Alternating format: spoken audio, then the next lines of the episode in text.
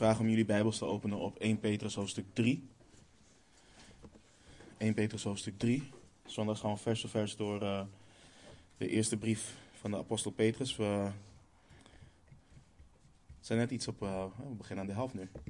Dus we maken vorderingen. Ik wil uh, vers 1 tot en met 6 met jullie lezen.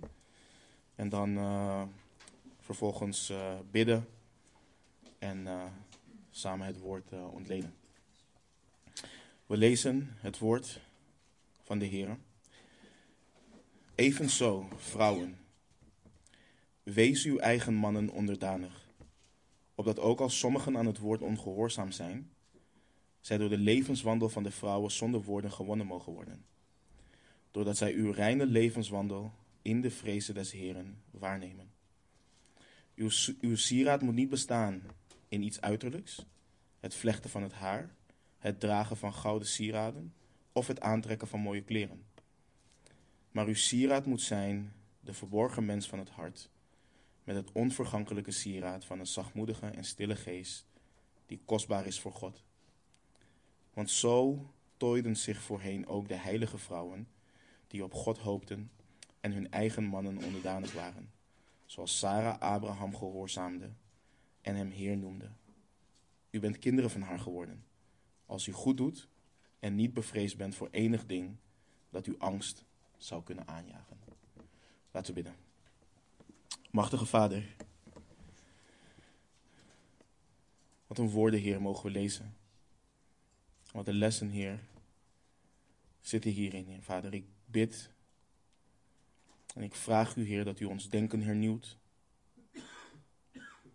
Dat u ons een ontvankelijk hart geeft, Heer, voor wat u hebt overgeleverd.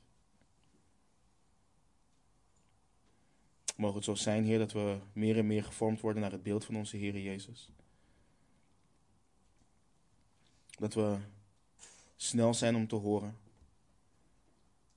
maar traag zijn tot spreken. Laat het ook zo zijn, Heer, dat we niet alleen hoorders van uw woord zijn, maar ook daders. Opdat uw naam verheerlijk mag worden. We bidden en we vragen dat in Jezus' naam. Amen. De, de eerste brief van de apostel Petrus is een brief wat de discipel veel hoop en houvast geeft in tijden van moeilijkheden. Het geeft veel antwoorden op de wat als dit gebeurt vragen. Wat is de wil van God als of wanneer X, Y, Z gebeurt, wanneer het moeilijk wordt? Hoe hoor ik dan te handelen? En alle antwoorden die Petrus geeft, vloeien voort uit de hoop en zekerheid die de discipel heeft in Jezus Christus. Wat zijn of haar identiteit is en wat de implicaties daarvan zijn. In het tweede hoofdstuk van de brief lazen we Ehm, in vers 11 en 12, daar schrijft Petrus twee belangrijke, geeft hij twee belangrijke aansporingen. Geliefden, ik roep u op als bijwoners en vreemdelingen u te onthouden van de vleeselijke begeerten die strijd voeren tegen de ziel. Vers 12, houd uw levenswandel onder de heidenen goed, opdat zij die nu van u kwaad spreken als van kwaaddoeners, door de goede werken die zij in u waarnemen, God verheerlijken mogen op de, op de dag dat er naar hen omgezien wordt. Dus in vers 11 lezen we hoe we als discipelen van de Heer Jezus Christus bijwoners en vreemdelingen zijn. We hebben daarbij stilgestaan. Christenen zijn op doorreis. We verblijven tijdelijk hier op aarde. Dit is niet ons huis. Ons burgerschap ligt in de hemelen. Maar als bijwoners en vreemdelingen die vrijgekocht zijn met het kostbare bloed van onze Heer Jezus. Als bijwoners en vreemdelingen die zijn nieuw gemaakt, die opnieuw geboren zijn tot een levende hoop hebben we nog steeds die zware strijd tegen het vlees. We hebben nog steeds te maken met vleeselijke begeerten. En van die vleeselijke begeerten dienen we ons te onthouden, schrijft Petrus, want ze voeren strijd tegen de ziel. En dit is een strijd die we blijven voeren zolang we nog in dit corrupte vlees leven. Maar de hoop, we hebben genade en kracht ontvangen van God om deze strijd te kunnen voeren. Om als overwinnaars uit deze strijd te komen in en door onze Heer Jezus Christus. Dat is de genade die we hebben ontvangen. Paulus schreef bijvoorbeeld aan de Romeinen in, in Romeinen 8, vers 12. Wel nu, broeders, wij zijn aan het vlees niet verplicht om naar het vlees te leven. Hij schreef, aan de, hij schreef aan de Galaten in Galaten 5, vers 16. Maar ik zeg, wandel door de geest en u zult zeker de begeerte van het vlees niet volbrengen. Dit is hoop, dit is genade wat wij hebben ontvangen. En door de geest van God in ons, door onze onderwerping aan de geest, door het wandelen door de geest, zullen we ons kunnen onthouden van die vleeselijke begeerten. dit is een prachtige hoop en realiteit waarin we staan als wedergeboren kinderen van God. Nou, als bijwoners en vreemdelingen hebben we nog een aansporing. Omdat we wel leven hier op aarde, zien mensen onze levenswandel. Ongelovigen zien ons. En omdat wij vertegenwoordigers zijn van een hemels koninkrijk, dienen we ook als zodanig te leven. Dus omdat we getuigen zijn van Jezus Christus, dienen we als getuigen te leven. Dus Petrus schrijft: houd uw levenswandel onder de heidenen goed. Leef eerbaar, leef prijzenswaardig, leef tot heerlijkheid van God onder de ongelovige wereld, opdat de ongelovigen die kwaad spreken van ons en ons geloof, door de goede werken die ze in ons waarnemen, niets anders kunnen dan God verheerlijken. En de aansporing van vers 12, dat wordt door Petrus verder uitgewerkt. Als eerste in het onderwerpen, omwille van de Here aan alle menselijke orde. God heeft orde in de wereld gebracht. Hij heeft bepaalde relaties, bepaalde instituten, bepaalde verhoudingen ingesteld. En die hebben orde, een rangschikking. Niet per se op basis van waardigheid, maar op basis van rollen en functies. Zo dienen burgers, dus ook christenen, zich te onderwerpen aan de machthebbers van hun land. Of ze nou goed zijn of niet. Christenen horen een hart van onderwerping te hebben in de zin dat zij hun plaats kennen en het ambt, de rol van anderen respecteren. Dat zij gehoorzamen. En de voorwaarde ligt niet in de goedheid of rechtvaardigheid van hen aan wie je dient te onderwerpen, maar nogmaals, je doet het omwille van de Heer. En op deze manier, door goed te doen, onthoud, want God vindt dit goed, door goed te doen, snoer je het onverstand van dwaze mensen de mond. En ja, je bent vrij. Wij zijn vrij. Maar juist vrij als dienstknechten van God om goed te doen. Niet om onze vrijheid te gebruiken als dekmantel voor, uh, voor slechtheid. Niet om opstandig te zijn en te rebelleren. We dienen als christenen alle mensen in ere te houden. We dienen de broeders lief te hebben. We dienen God te vrezen. Al deze dingen doen we in de vrezen des Heren. We dienen de koning te eren. En Petrus ging verder en hij had het over hoe huisslaven hun meesters um, met alle gezag onderdanig dienen te zijn. Niet alleen zij die welwillend zijn, maar ook zij die verkeerd handelen. En we hadden het erover hoe je dat kunt toepassen natuurlijk op, uh, op de verhouding die we vandaag de dag hebben tussen werkgevers en werknemers. Alleen is dat net iets anders dan de verhouding die slaven hadden met hun meesters. Dus je kunt er wel lessen uittrekken, maar het is niet één op één uh, toe te passen. En vorige week hadden we het over hoe Petrus uitlegt dat het lof bij God is, eer, gunst. Het is prijzenswaardig wanneer iemand uh, met God voor ogen dingen verdraagt die hem pijn doen en daarbij ten onrechte leidt. Het is dus niet te prijzen als je lijdt als christen omdat je zondigt, omdat je opstandig bent, omdat je de wet overtreedt. Maar het is roem als je het geduldig verdraagt wanneer je goed doet wanneer je gehoorzaamt en daarvoor leidt.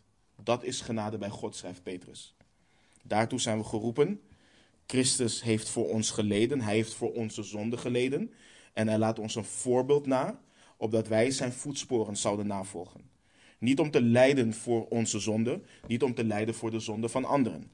Maar juist wel het voorbeeld om lijden te verdragen. Want God zal het vergelden op een dag. En dit is zo belangrijk. Ik, wij blijven het hier zeggen. Alles wat Petrus schrijft is verankerd in het evangelie van onze Heer Jezus Christus. We mogen dat nooit vergeten. Alles is verankerd in het evangelie van onze Heer Jezus Christus. Wat God ons ook opdraagt, met een blijmoedig hart dienen we dat te gehoorzamen. Waarom? Nou, Johannes schrijft in 1 Johannes 5, vers 3: Want dit is de liefde tot God, dat wij zijn geboden in acht nemen. En zijn geboden zijn geen zware last. En Johannes bedoelt hiermee: wat God ook gebiedt in zijn woord. Het is niet onderdrukkend, het is niet tot onze benauwing, het is geen last wat God ons oplegt dat het ons belemmert in ons functioneren. Nee, sterker nog, het is bevrijdend.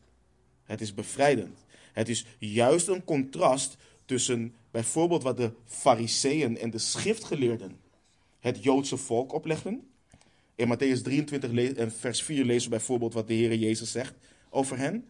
Want zij binden lasten samen die zwaar zijn en moeilijk om te dragen. En zij leggen ze op de schouders van de mensen, maar zij willen die zelf met geen vinger verroeren. Dus die drukken op je. Geboden van mensen brengen altijd gebondenheid. Maar God brengt vrijheid. En dat is het voor de christelijke burger die ook een goddeloze overheid gehoorzaamt. Dat is het ook voor een christelijke slaaf die een onredelijke en onrechtvaardige meester gehoorzaamt. En in onze tekst van vandaag, zo is het ook voor de christelijke vrouw die een man heeft die het woord van God ongehoorzaam is. Onze tekst van vanmorgen is een tekst wat door veel predikers weggeredeneerd wordt, of op een wijze wordt uitgelegd dat het over de man gaat en niet over wat er in de tekst staat. En dat komt omdat men is gaan geloven dat het niet aan de man is om te zeggen hoe een vrouw hoort te zijn. Dus we laten het graag over aan vrouwenconferenties, voor vrouwenbijbelstudies. Mannen horen aan mannen uh, te spreken en mannen begrijpen vrouwen niet, dus laat het maar over aan de vrouw. Ik heb daar niets mee te maken. Dat, dat, weten jullie ook. Deze tekst is geïnspireerd en het is ingegeven door God. Dus vrouwen en zusters, zet jullie schrap, deze is vandaag voor jullie. En broeders, jullie zijn, uh, wij zijn volgende week uh, aan de beurt. Vers 1 en 2. Evenzo vrouwen. Wees uw eigen mannen onderdanig, opdat ook, als sommigen aan het woord ongehoorzaam zijn, zij door de levenswandel van de vrouwen zonder woorden gewonnen mogen worden. Doordat zij uw reine levenswandel in de vrezen des Heren waarnemen. Toen we door de serie Een Sterk Huis gingen, hebben we uitgebreid stilgestaan bij um, hoofdschap. We hebben uitgebreid stilgestaan bij het feit dat de schrift leert dat de man hoofd van de vrouw is. We zien in Genesis 2 dat God Adam maakte en toen Adam alle dieren een naam gaf, hij geen hulp vond als iemand tegenover hem. God liet Adam in een diepe slaap vallen en hij nam een van zijn ribben en sloot de plaats ervan toe met vlees. En de Heere bouwde uit zijn rib, uit de rib van Adam uh, die hij genomen had, uh, bouwde hij tot een vrouw uit. En hij bracht haar bij Adam. En we kennen de woorden van Adam. Uh, deze is ditmaal been van mijn beenderen en vlees van mijn vlees. Deze zal Manin genoemd worden, want uit de man is zij genomen. En, en, en, daar, en daarbij lezen we ook, daarom zal een man zijn vader en zijn moeder verlaten en zich aan zijn vrouw hechten en zij zullen tot één vlees zijn. En velen lezen over het feit heen dat Adam eerst geschapen is en daarna Eva. Maar dat is nooit een toeval geweest, dat is nooit een ongeluk geweest. Het is Gods bedoeling geweest en nog steeds zijn bedoeling dat de man in het huis fungeert als hoofd van zijn gezin. Dat hij de leider is van zijn gezin. Door de val is de kijk hierop veranderd, de bedoeling nooit. En men, men legt dit altijd tegenwoordig alleen bij het feminisme. Maar dit is letterlijk sinds de val zo. Wij kennen het tegenwoordig en wij geven het een naam. Maar sinds de val is dit zo. God zei tegen uh, Eva in Genesis 3: um, ik, um, ik zal uw moeite in uw zwangerschap zeer groot maken. Met pijn zult u kinderen baren.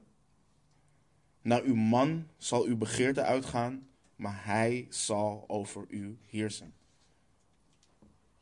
Sommigen maken hiervan dat een vrouw juist van haar man zal houden. Maar dat hij de liefde niet zal teruggeven en over haar zal willen heersen. Dat niet wat de tekst leert.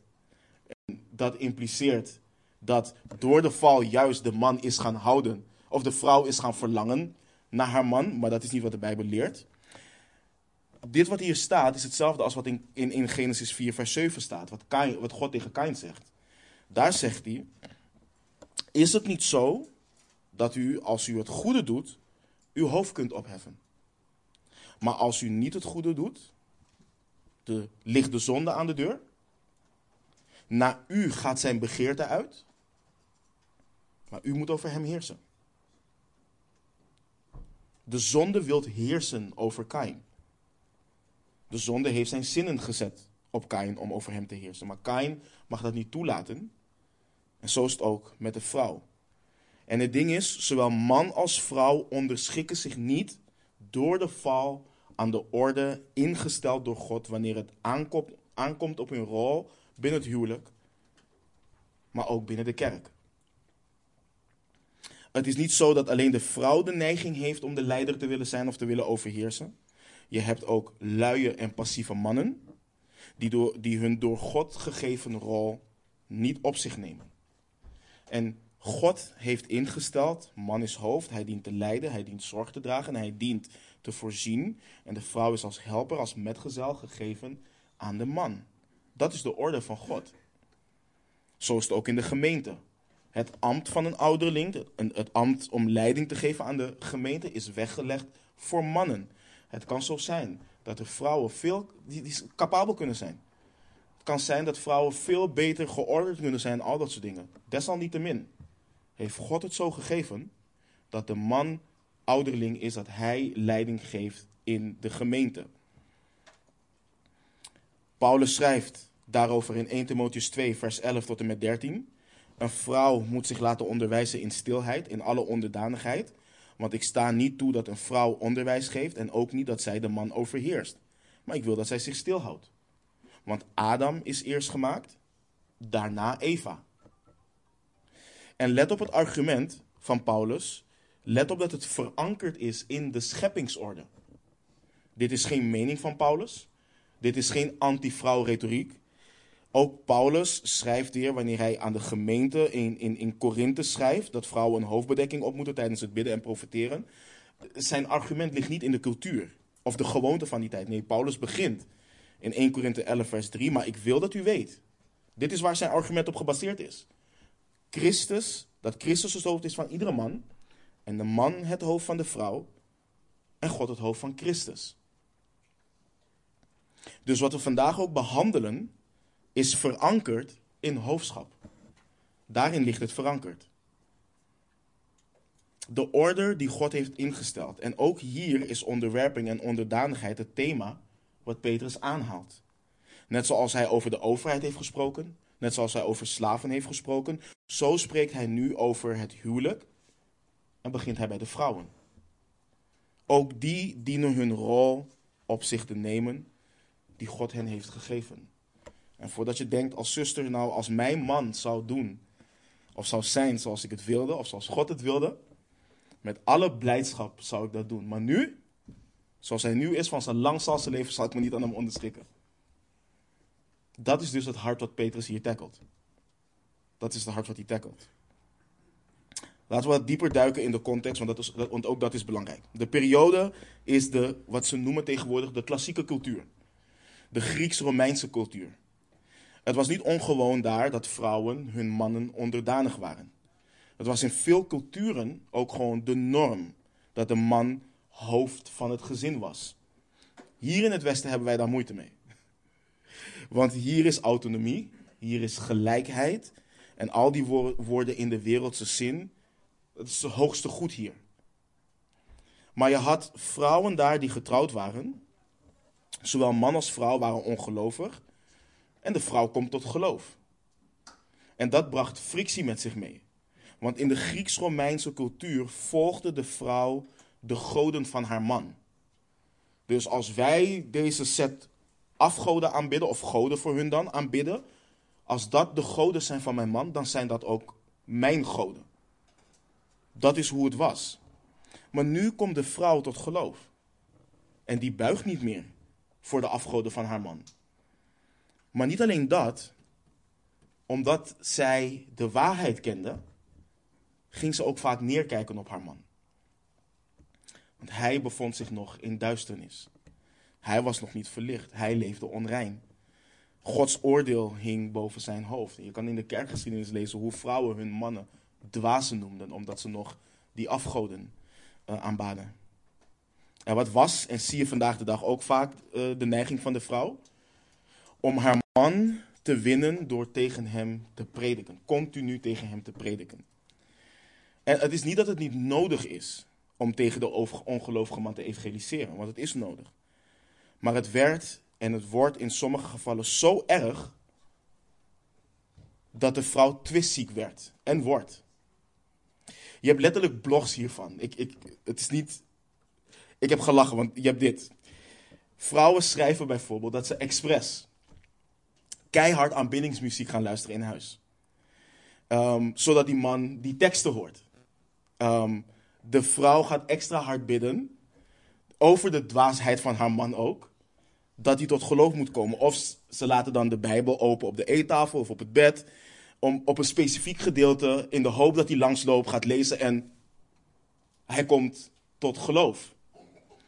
En alhoewel het verlangen om haar man tot bekering te zien komen een goed verlangen is, vooropgesteld, het is goed kun je uit de tekst van Petrus halen dat de vrouw het niet deed met een onderdanig en onderworpen hart, maar met een opstandige houding.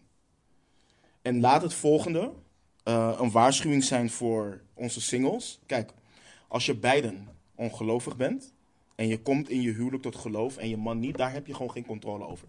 Daar kun je niets aan doen. Maar ben jij nu gelovig, dan heb je wel controle, controle over de man die je vandaag gaat kiezen. Daar heb je wel controle over. En zoals we in een sterkhuis hebben behandeld, gaat het niet over het vinden van de perfecte man, want die bestaat niet. De enige perfecte man die ooit heeft gewandeld is onze Heer Jezus Christus. Geen man zal daaraan voldoen. Maar onder geen enkele voorwaarde hoor je een huwelijksban aan te gaan met een ongelovige man. Wanneer je trouwt, dien je dat te doen in de Heer. Zowel jij als de man waarmee je gaat trouwen hoort een man te zijn die in zijn hart onderworpen is aan Christus. Twijfel je over zijn bekering, dan kun je er beter mee stoppen. Want het ding is, vrucht hoort te zien te zijn. Je ziet aan de vrucht of iemand waarlijk bekeerd is, ja of nee. Je ziet het. Dus vrucht van onderwerping hoor je te zien. Maar onze tekst laat zien wat we continu zien in deze brief. En dat is dat, dat dit met hartgesteldheid te maken heeft. Onderschikking is niet iets wat je rebellerend doet. Het is niet iets waarvan je in je hart zegt: Weet u, heren, eigenlijk wil ik dit niet, maar ja, ik doe het toch. Je doet het met blijdschap, want je doet het omwille van de Heer. Je wilt Hem eren. Je volgt Hem na. Het zijn de voetsporen van de Heer Jezus die je hierin navolgt. Hij die zichzelf vrijwillig heeft vernederd. Hij die de schande veracht heeft. Hij die de Vader, hoewel hij en de Vader eens zijn, gehoorzaamd heeft. Dat is de gezindheid die hierbij komt kijken. Maar laten we wel kaders stellen, net zoals we dat bij de overheid hebben gedaan en net zoals we dat ook bij de slaven hebben gedaan. Vraagt jouw man iets van jou wat tegen het woord van God ingaat, dan weiger je. Maar je doet dat nog steeds wel met eerbied, met respect. Want zijn onredelijkheid neemt de orde die God heeft gesteld, het neemt het niet weg. De orde verandert niet omdat je te maken hebt met gevallen mensen. Sterker nog, de orde wordt juist weer benadrukt in de context waarin je te maken hebt met mensen die dus ongehoorzaam zijn aan het woord. En Petrus leert dus wil je je man die ongehoorzaam is aan het woord, wil je die winnen? Wees hem onderdanig. Respecteer hem. Respecteer zijn positie als man. Heb eerbied voor hem. Dat is hoe je hem wint. Je wint hem niet met woorden. Je wint hem niet met opstandigheid. Niet met twist. Je wint hem met een reine levenswandel, schrijft Petrus. De wereld, veel kerken ook, cancelen mensen voor de volgende uitspraak. Maar jullie weten dat ik daar weinig mee te maken heb. Kijk, er is niet zo lelijk en niet zo afstotelijk als een twistzieke vrouw die zichzelf niet kan beheersen.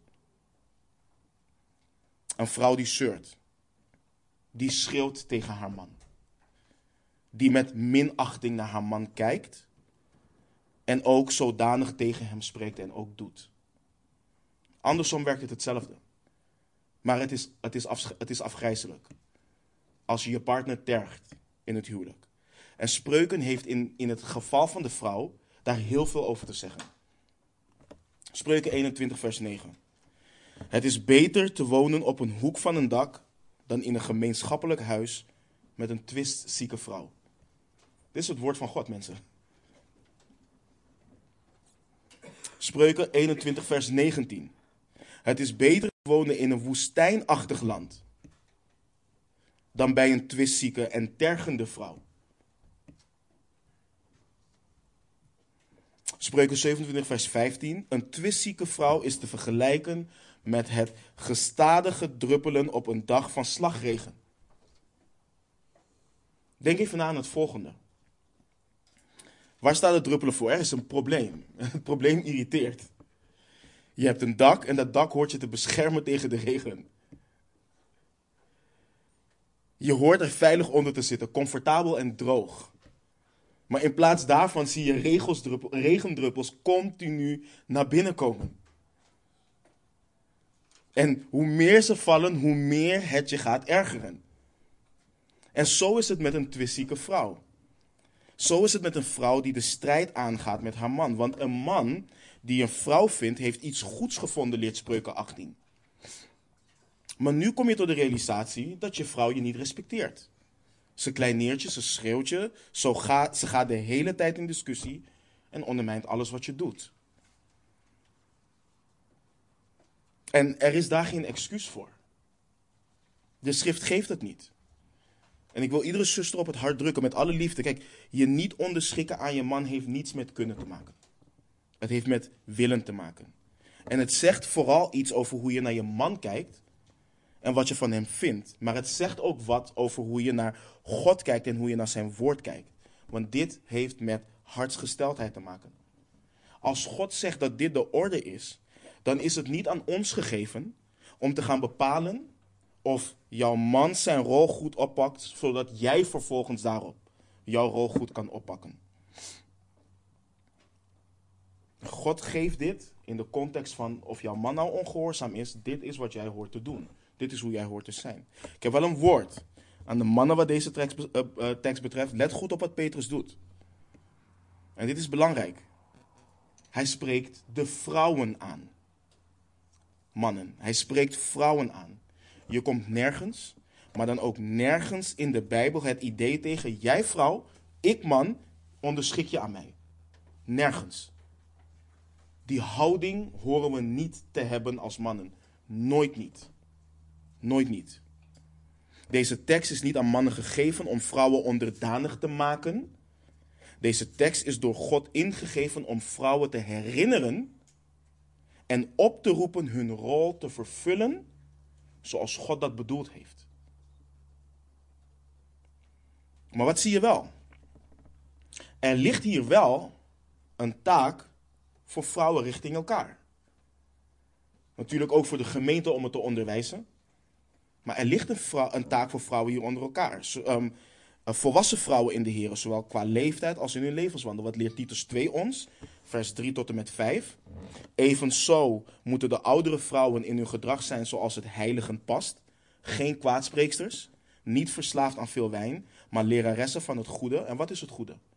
Opdat zij de jongere vrouwen leren verstandig te zijn, hun man lief te hebben, hun kinderen lief te hebben, bezonnen te zijn en kuis te zorgen voor hun huishouden, goed te zijn, hun eigen mannen onderdanig te zijn, opdat het woord van God niet gelasterd wordt. Dit spreekt niet van vrouwenconferenties, dit spreekt van discipelschap. Het delen van je leven en je hart met elkaar als vrouwen. Elkaar in liefde kunnen wijzen op opstandigheid en leren wat het hart achter het onderschikken aan je man betekent. En, en, en vaak denken we ook, en we hebben daarbij een, stil, uh, een sterk huis bij stilgestaan. Vaak denken we ook dat dit, ons, dat dit zich beperkt alleen tot de man en vrouw. Als je kinderen hebt, je kinderen zien dit. Je kinderen zien dit, die leren dit, die nemen dit over. En zo zet je het patroon al voor hun huwelijk. En zo ver gaat dit. En ik blijf het zeggen, het feit dat Paulus dit aan Titus schrijft om te onderwijzen, laat zien dat het huwelijk niet iets geïsoleerd is van de gemeente. Nee, broeders en zusters horen niet te vroeten in het huwelijk van anderen, maar in wat God gegeven heeft, hoort de gemeente elkaar te helpen, elkaar te onderwijzen, elkaar te discipelen in het bouwen van gezonde en sterke huwelijken die God verheerlijken. Nog een belangrijk kader is het volgende. Het woord eigen in vers 1. Het woord eigen in vers 1 is belangrijk. Want de raarste dingen zijn er gebeurd in de geschiedenis van de kerk. En de raarste dingen gebeuren vandaag de dag, de dag nog steeds. Een vrouw is haar eigen man onderdanig. Niet een andere man. Niet aan alle mannen. Mannen zijn niet de baas over vrouwen. Een man is ook niet de baas van zijn eigen vrouw. Hij is het hoofd. Hij is leider. Niet de baas. Maar hij is wel het hoofd en leider van zijn eigen vrouw. En nu een vraag die we moeten beantwoorden. Waarom zonder woorden? Waarom een reine levenswandel? Waarom niet evangeliseren? En de tekst geeft niet gelijk het antwoord, maar het ding is dit. Je, je geeft als gelovige rekenschap voor de hoop die er is in je. Dus die er in je is. Ook aan je man. Maar juist omdat je met je man woont, is er meer ruimte en gelegenheid om de uitwerking van het evangelie in jouw leven te laten zien. En dit is echt cruciaal. Want je ziet het vaak bij christenen dat ze geduld hebben met de ongelovige wereld.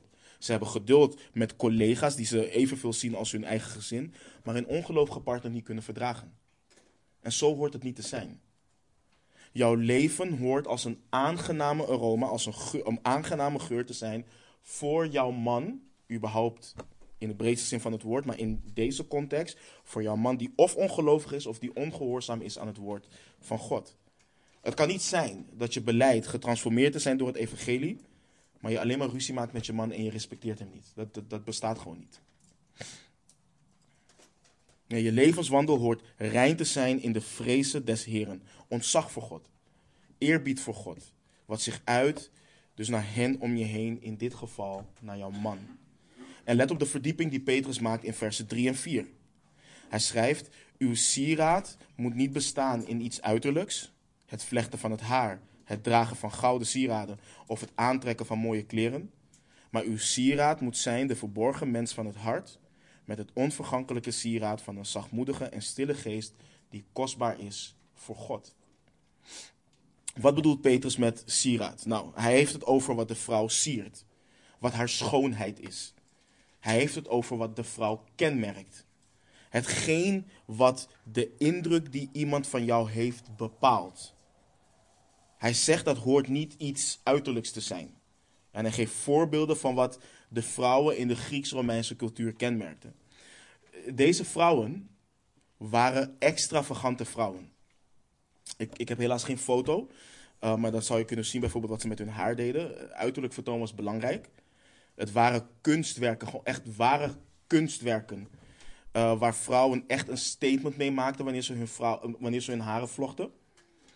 En hetzelfde gold voor hoe ze sieraden droegen of de kleding die ze droegen. Het had een specifiek doel en dat was om indruk te maken.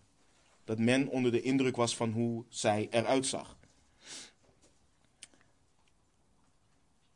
En de schrift leert de schrift spreekt daartegen. Paulus doet bijvoorbeeld hetzelfde aan Timotheus in 1 Timotheus 2, vers 9 en 10. Evenzo wil ik dat de vrouwen zich tooien met eerbare kleding, ingetogen en bezonnen, niet met het vlechten van haar, van het haar of met goud of parels of kostbare kleren, maar met goede werken, wat bij vrouwen past die beleiden Godvrezend te zijn. Wat doen Paulus en Petrus niet? Want dit, dit, dit zie je ook heel vaak. Ze geven geen verbod op het vlechten van het haar. Ze geven geen verbod op het vlechten van het haar. Ze geven geen verbod op het verzorgen van jezelf. En ik zeg dit omdat deze tekst zo uit context is gehaald door de vroomheidsbeweging. We hebben het erover gehad, het, het pietisme. Als je een mooie jurk aan hebt, dan maak je je hier als vrouw volgens hen al schuldig aan. Dus het is beter voor hen om er als een slons bij te lopen, onverzorgd.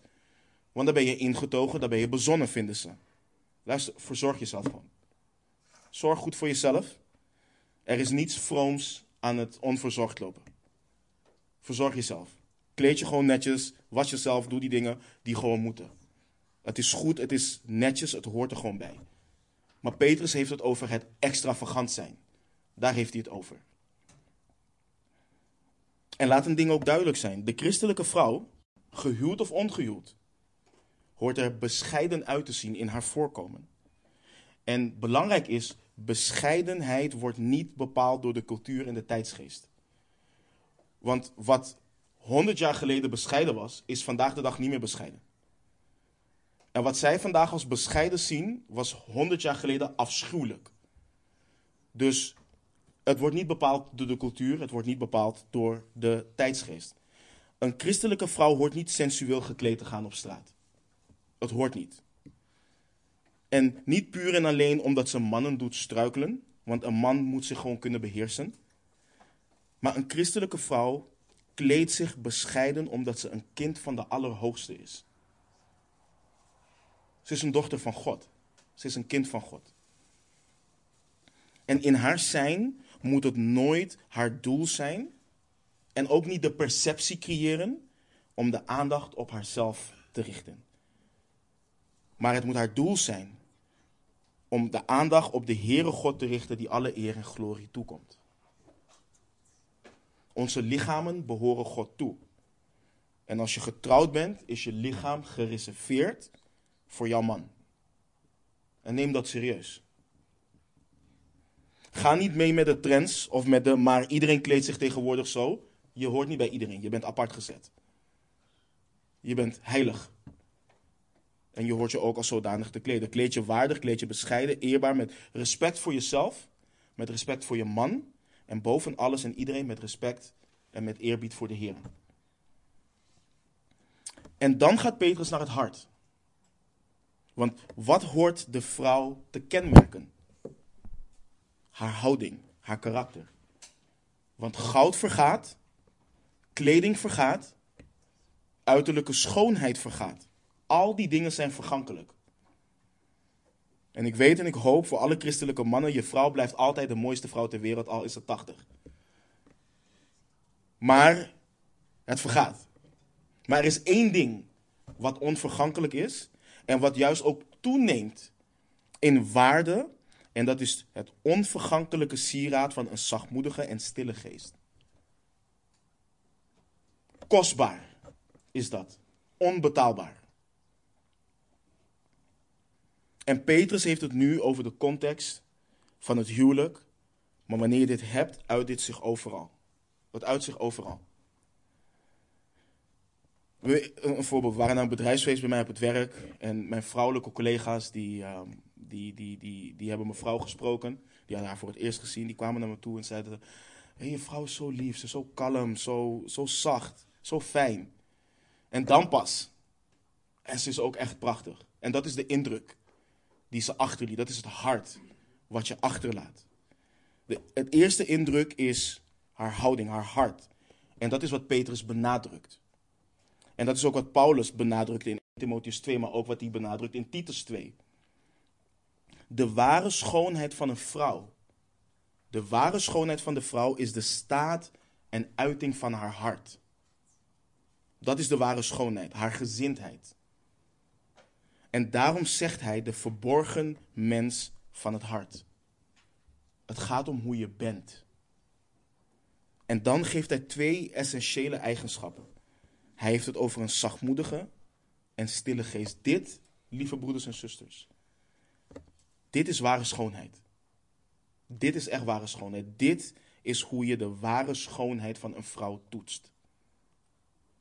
Wanneer Petrus het heeft over zachtmoedigheid, en dit is zo belangrijk, dan heeft hij het als eerste over iets wat onze Heer Jezus kenmerkt. In Matthäus 11, vers 29 lezen we daarover. Neem mijn juk op u en leer van mij dat ik zachtmoedig ben en nederig van hart. En u zult rust vinden voor uw ziel. Dit kenmerkt onze Heer Jezus Christus. Wanneer hij het heeft over zachtmoedigheid, heeft hij het over iets wat hen die het koninkrijk van God zullen beërven, wat hen kenmerkt.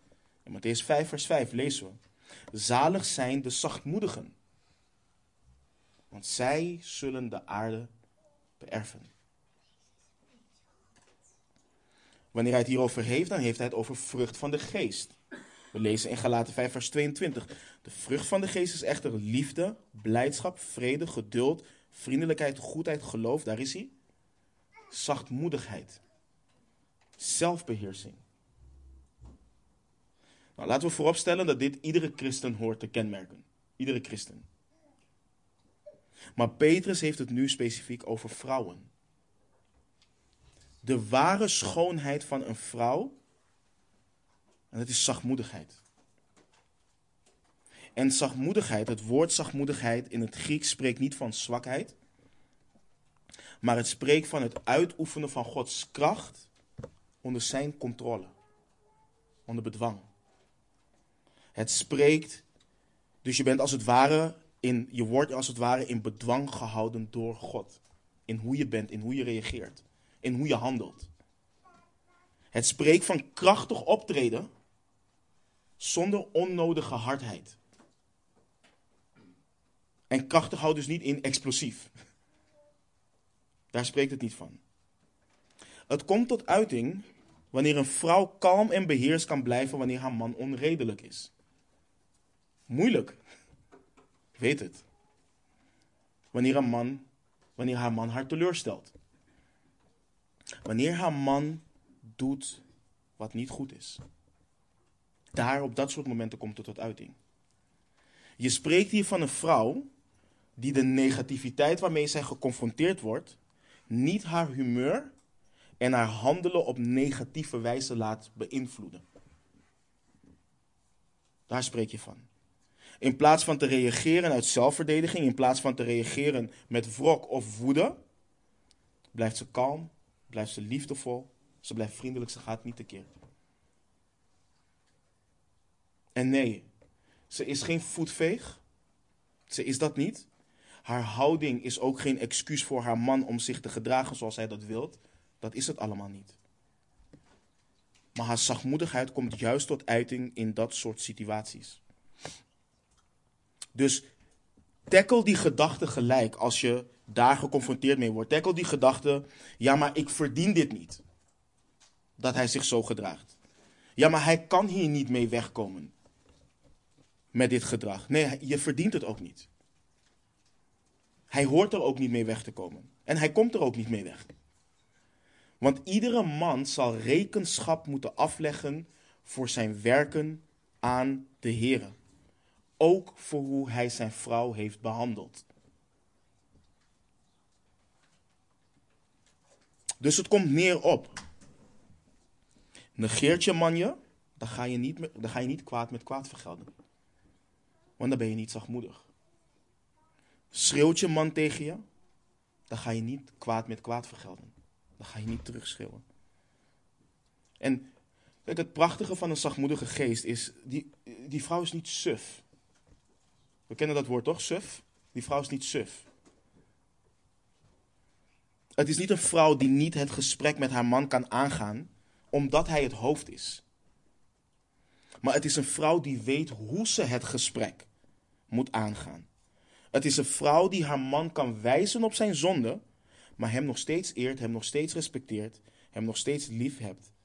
Of lief heeft, ook al ben je van mening dat hij geen één van die dingen op dat moment recht heeft. Ook al heeft hij voor de duizendste keer gedaan wat hij beloofd heeft niet meer te doen. Dat is waar zachtmoedigheid van spreekt. Maar naast zachtmoedigheid heeft Petrus het ook over een stille geest. Dus een zachtmoedige en stille geest. En wat bedoelt Petrus met stil? Hij heeft het hier niet over een vrouw die monddood is gemaakt. Daar heeft hij het niet over. Een vrouw die niet zegt. Een vrouw die alleen maar zwijgt. Het woord stille komt ook in 1 Timotheus 2 vers 2 voor, waar Paulus het volgende schrijft. Ik roep er dan, we lezen vers 1 voor de context erbij. Ik roep er dan voor alles toe op dat smekingen, gebeden, voorbeden en dankzeggingen gedaan worden voor alle mensen, voor koningen en allen die hoog geplaatst zijn, opdat wij een rustig en stil leven zullen leiden. In alle godsvrucht en waardigheid. Het woord in het Grieks hint naar rustig. Het hint naar vredig. Het spreekt van iemand die van binnen stabiel is. Gevestigd. Het spreekt van iemand die een door God gegeven innerlijke kalmte heeft. Petrus omschrijft een vrouw die haar woorden goed kiest. Ze maakt geen misbruik van haar woorden. Ze gebruikt geen woorden die onnodig wrijving veroorzaken. Woorden die destructieve onrust veroorzaken. Woorden waarvan ze weet, dit triggert hem. Ik zal hem even laten zien. Ik zal het hem even goed uitleggen, haarfijn uitleggen. Woorden die hem klein maken. En niet alleen in haar woorden is ze, heeft ze een stille geest, ook in haar handelen. En dit is schoonheid wat Petrus omschrijft. Dit is schoonheid wat Petrus omschrijft. En dit gaat in tegen alles wat de cultuur leert. Het gaat in tegen ons vlees. Want de cultuur leert de vrouw om opstandig te zijn. De cultuur leert de vrouw om de strijd aan te gaan met haar man. Want dit wat Petrus leert, wat hij, omschrijft, wat hij omschrijft, is volgens de cultuur is dit vernederend en denigrerend.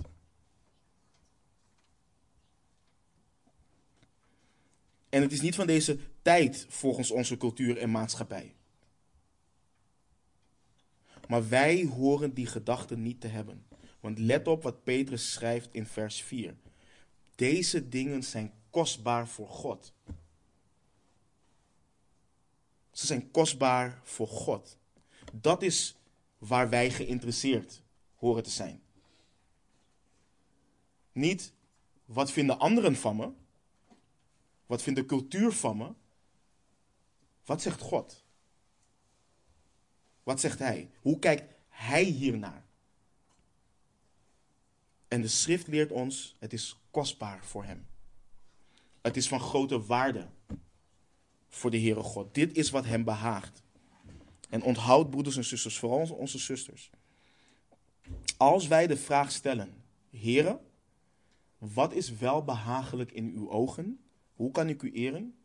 In deze context, dan is dit, is, dan is dit het. Dit is een offer die je God brengt en hem welgevallig is in en door Jezus Christus. En Petrus gaat verder en leert dat dit de weg is van heilige vrouwen. Dit is het. Vers 5 en 6 lezen we. Want zo tooiden zich voorheen ook de heilige vrouwen, die op God hoopten en hun eigen mannen onderdanig waren. Zoals Sarah Abraham gehoorzaamde en hem Heer noemde. U bent kinderen van haar geworden als u goed doet en niet bevreesd bent voor enig ding dat u angst zou kunnen aanjagen. De vrouwen die hun hoop op God hadden. De vrouwen in Gods heilsgeschiedenis. Die hebben zich op deze manier bekleed. Dit is de gezindheid die zij hadden. Want dat is wat God, uh, hoop op God produceert. En in de hoop die zij hadden, waren zij hun eigen mannen onderdanig. En Petrus gebruikt Sarah als voorbeeld, haar hart. En Petrus refereert hier naar Genesis 18. De Heere God verschijnt daar aan Abraham. Er wordt tegen Abraham gezegd dat uh, de Heere God over een jaar weer bij hem zal komen. En dan zal zijn vrouw Sarah een zoon hebben. En in Genesis 18, vers 12 lezen we de gedachte van Sarah.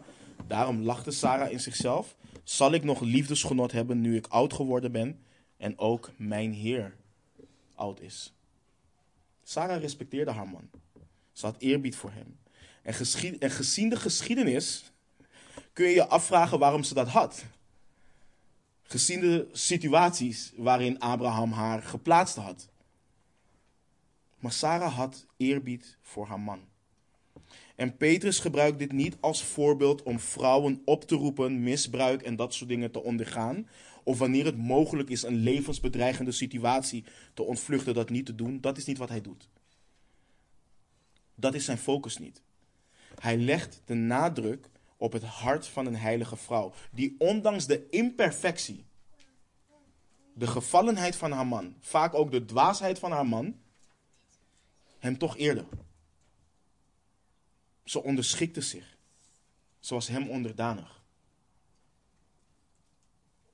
Dat is het voorbeeld wat Petrus gebruikt.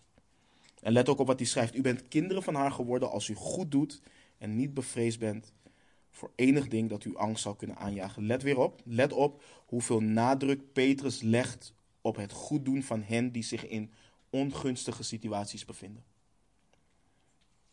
Hij roept hen op om goed te doen. Dit waar Petrus toe oproept, komt altijd voor in de context van anderen die verkeerd tegen ons handelen. En wijst erop dat ons handelen niet bepaald zou moeten worden door hoe anderen ons behandelen. Wij zijn zo geneigd om te reageren op verkeerde behandeling met meer verkeerde behandeling. En vervolgens onze zonde toe te schrijven aan de zonde van een ander. En de schrift geeft daar geen ruimte voor. Je hoort dat vaak in de context van vrouwen. Ja, waarom eer je hem niet? Waarom heers je over hem? Waarom onderschik je je niet? Ja, omdat hij zijn rol niet opneemt. Dat is geen enkel excuus. Het is geen enkel excuus. Petrus leert juist om voorbereid te zijn om op een godverheerlijkende wijze te reageren op onrecht door te doen wat juist is. En ik weet, kijk, jullie weten, ik heb twee dochters. En we vinden het soms moeilijk op, vooral wanneer we dochters hebben. Als je dit ziet, waar zal mijn dochter terecht in kunnen komen? En dit is waarom voor ons vaders, maar ook voor moeders, voor ouders. Dit is waarom wij door de schrift met onze kinderen moeten gaan en hen leren hoe kies je een man. Hoe kies je een man? Hoe kijk je naar een man? Hoe herken je die rode vlaggen waar je keihard voor moet wegrennen? En begin jong. Begin jong. En wees als man zelf het voorbeeld in je huis, zodat je dochter kan zeggen: niets lager dan mijn vader. Niets. Ik heb gezien hoe mijn vader voor mijn moeder was. Ik wil niets minder dan dat. En jij als man moet dat voorbeeld geven. Dat is jouw verantwoordelijkheid. En om af te sluiten. Het huwelijk, het huwelijk hoort het beeld te zijn van Christus en de gemeente. Ons hoofd, Christus, hij is volmaakt. Hij is volmaakt. De gemeente is nu alles behalve volmaakt.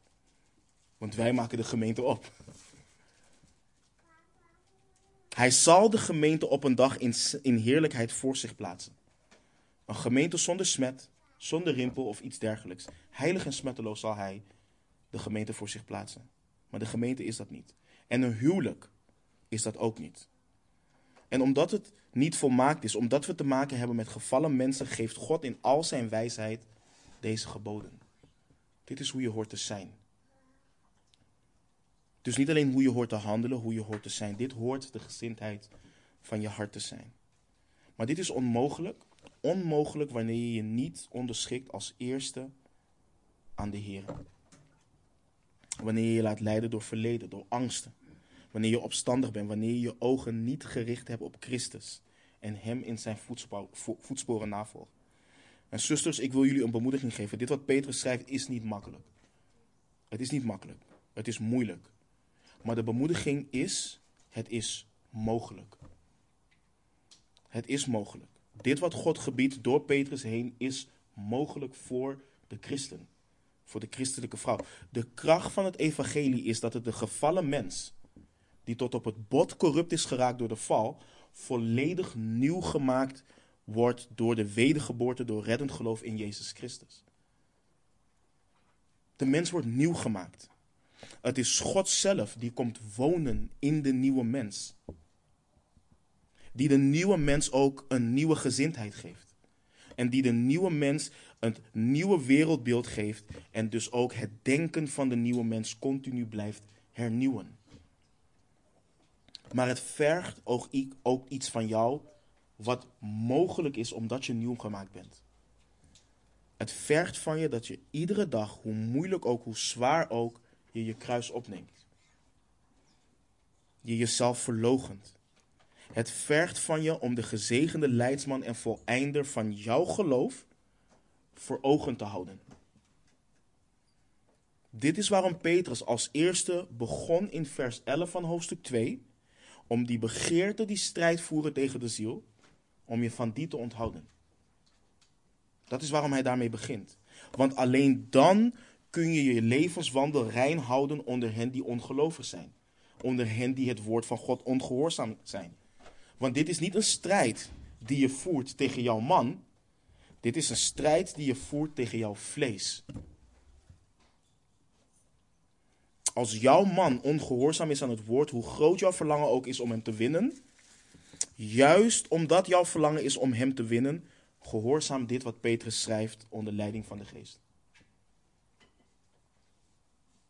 Doe dit in de vrezen des Heren. Doe dit in vertrouwen op de Heren, wetend dat wat Hij gegeven heeft goed is. En onthoud, je bent niet machteloos. Je bent bekrachtigd. Je bent en je wordt toegerust. En zoals de vrouwen hoopten op God, dien ook jij je hoop te houden op God. We hebben het gelezen in het eerste hoofdstuk. In 1 Petrus 1 vers 13. Omgord daarom de lendenen, lendenen van uw verstand. Wees nuchter en hoop volkomen op de genade die u gebracht wordt in de openbaring van Jezus Christus. Met deze hoop hoor je dit te doen. Daarnaast is het goed voor iedere vrouw om te weten dat dit, dat dit is wat God heeft overgeleverd in zijn woord. Niet alleen wanneer jouw man ongehoorzaam is, of om hem te winnen, maar omdat God het zo ontworpen heeft. Ik wil met jullie lezen en daar sluiten we echt mee af. Efeze 5, vers 22 tot met 32.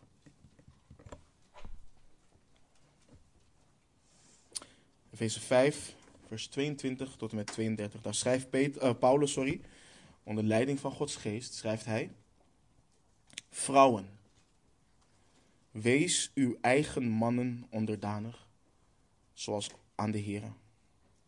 Want de man is hoofd van de vrouw, zoals ook Christus hoofd van de gemeente is. En hij is de behouder van het lichaam. Daarom, zoals de gemeente aan Christus onderdanig is, zo behoren ook de vrouwen in alles hun eigen mannen onderdanig te zijn. Mannen, heb uw eigen vrouw lief, zoals ook Christus de gemeente lief gehad heeft en zich voor haar heeft overgegeven, opdat hij haar zou heiligen door haar te reinigen met het waterbad door het woord. Opdat hij haar in heerlijkheid voor zich zal plaatsen, een gemeente zonder smet of rimpel of iets dergelijks, maar dat zij heilig en smetteloos zal zijn. Zo moeten de mannen hun eigen vrouwen lief hebben als hun eigen lichaam. Wie zijn eigen vrouw lief heeft, heeft zichzelf lief. Want niemand heeft ooit zijn eigen vlees gehaat, maar hij voedt en koestert het, zoals ook de Heere de gemeente. Want wij zijn leden van zijn lichaam, van zijn vlees en van zijn gebeente. Daarom zal een man zijn vader en moeder verlaten en zich aan zijn vrouw hechten. En die twee zullen tot één vlees zijn. Dit geheimenis is groot, maar ik spreek met het oog op Christus en de gemeente.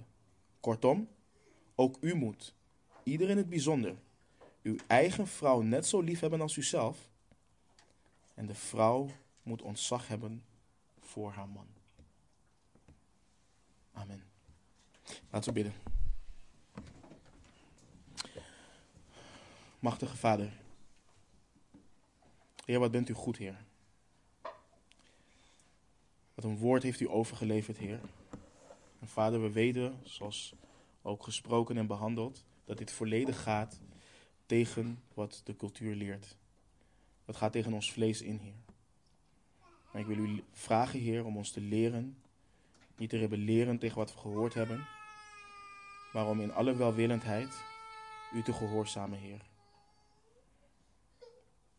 Wilt u ons blijven toerusten? Wilt u mijn zusters blijven toerusten, Heer? U weet dat er ook zusters in de gemeente zijn die het verlangen hebben om hun man te winnen voor u, Heer.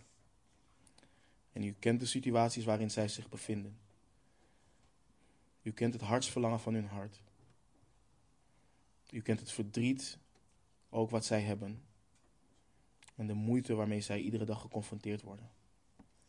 En wij bidden als gemeente voor hen, Heer. Dat u hen toerust, dat u hen opricht. Dat u er voor hen bent, maar ook dat wij er voor hen zijn. Dat ze hun worstelingen bij u neerleggen, maar ook bij hun broeders en zusters durven neer te leggen. Dat wij ze in alle zachtmoedigheid bijstaan. En dat ze iedere dag weer bekrachtigd mogen worden, Heer. We bidden voor hun mannen. Dat u hen reddend geloof schenkt. Dat u hun ogen opent, opdat ze de reine levenswandel van onze zusters mogen aanschouwen. Dat ze mogen zien, Heer, dat ze u vrezen.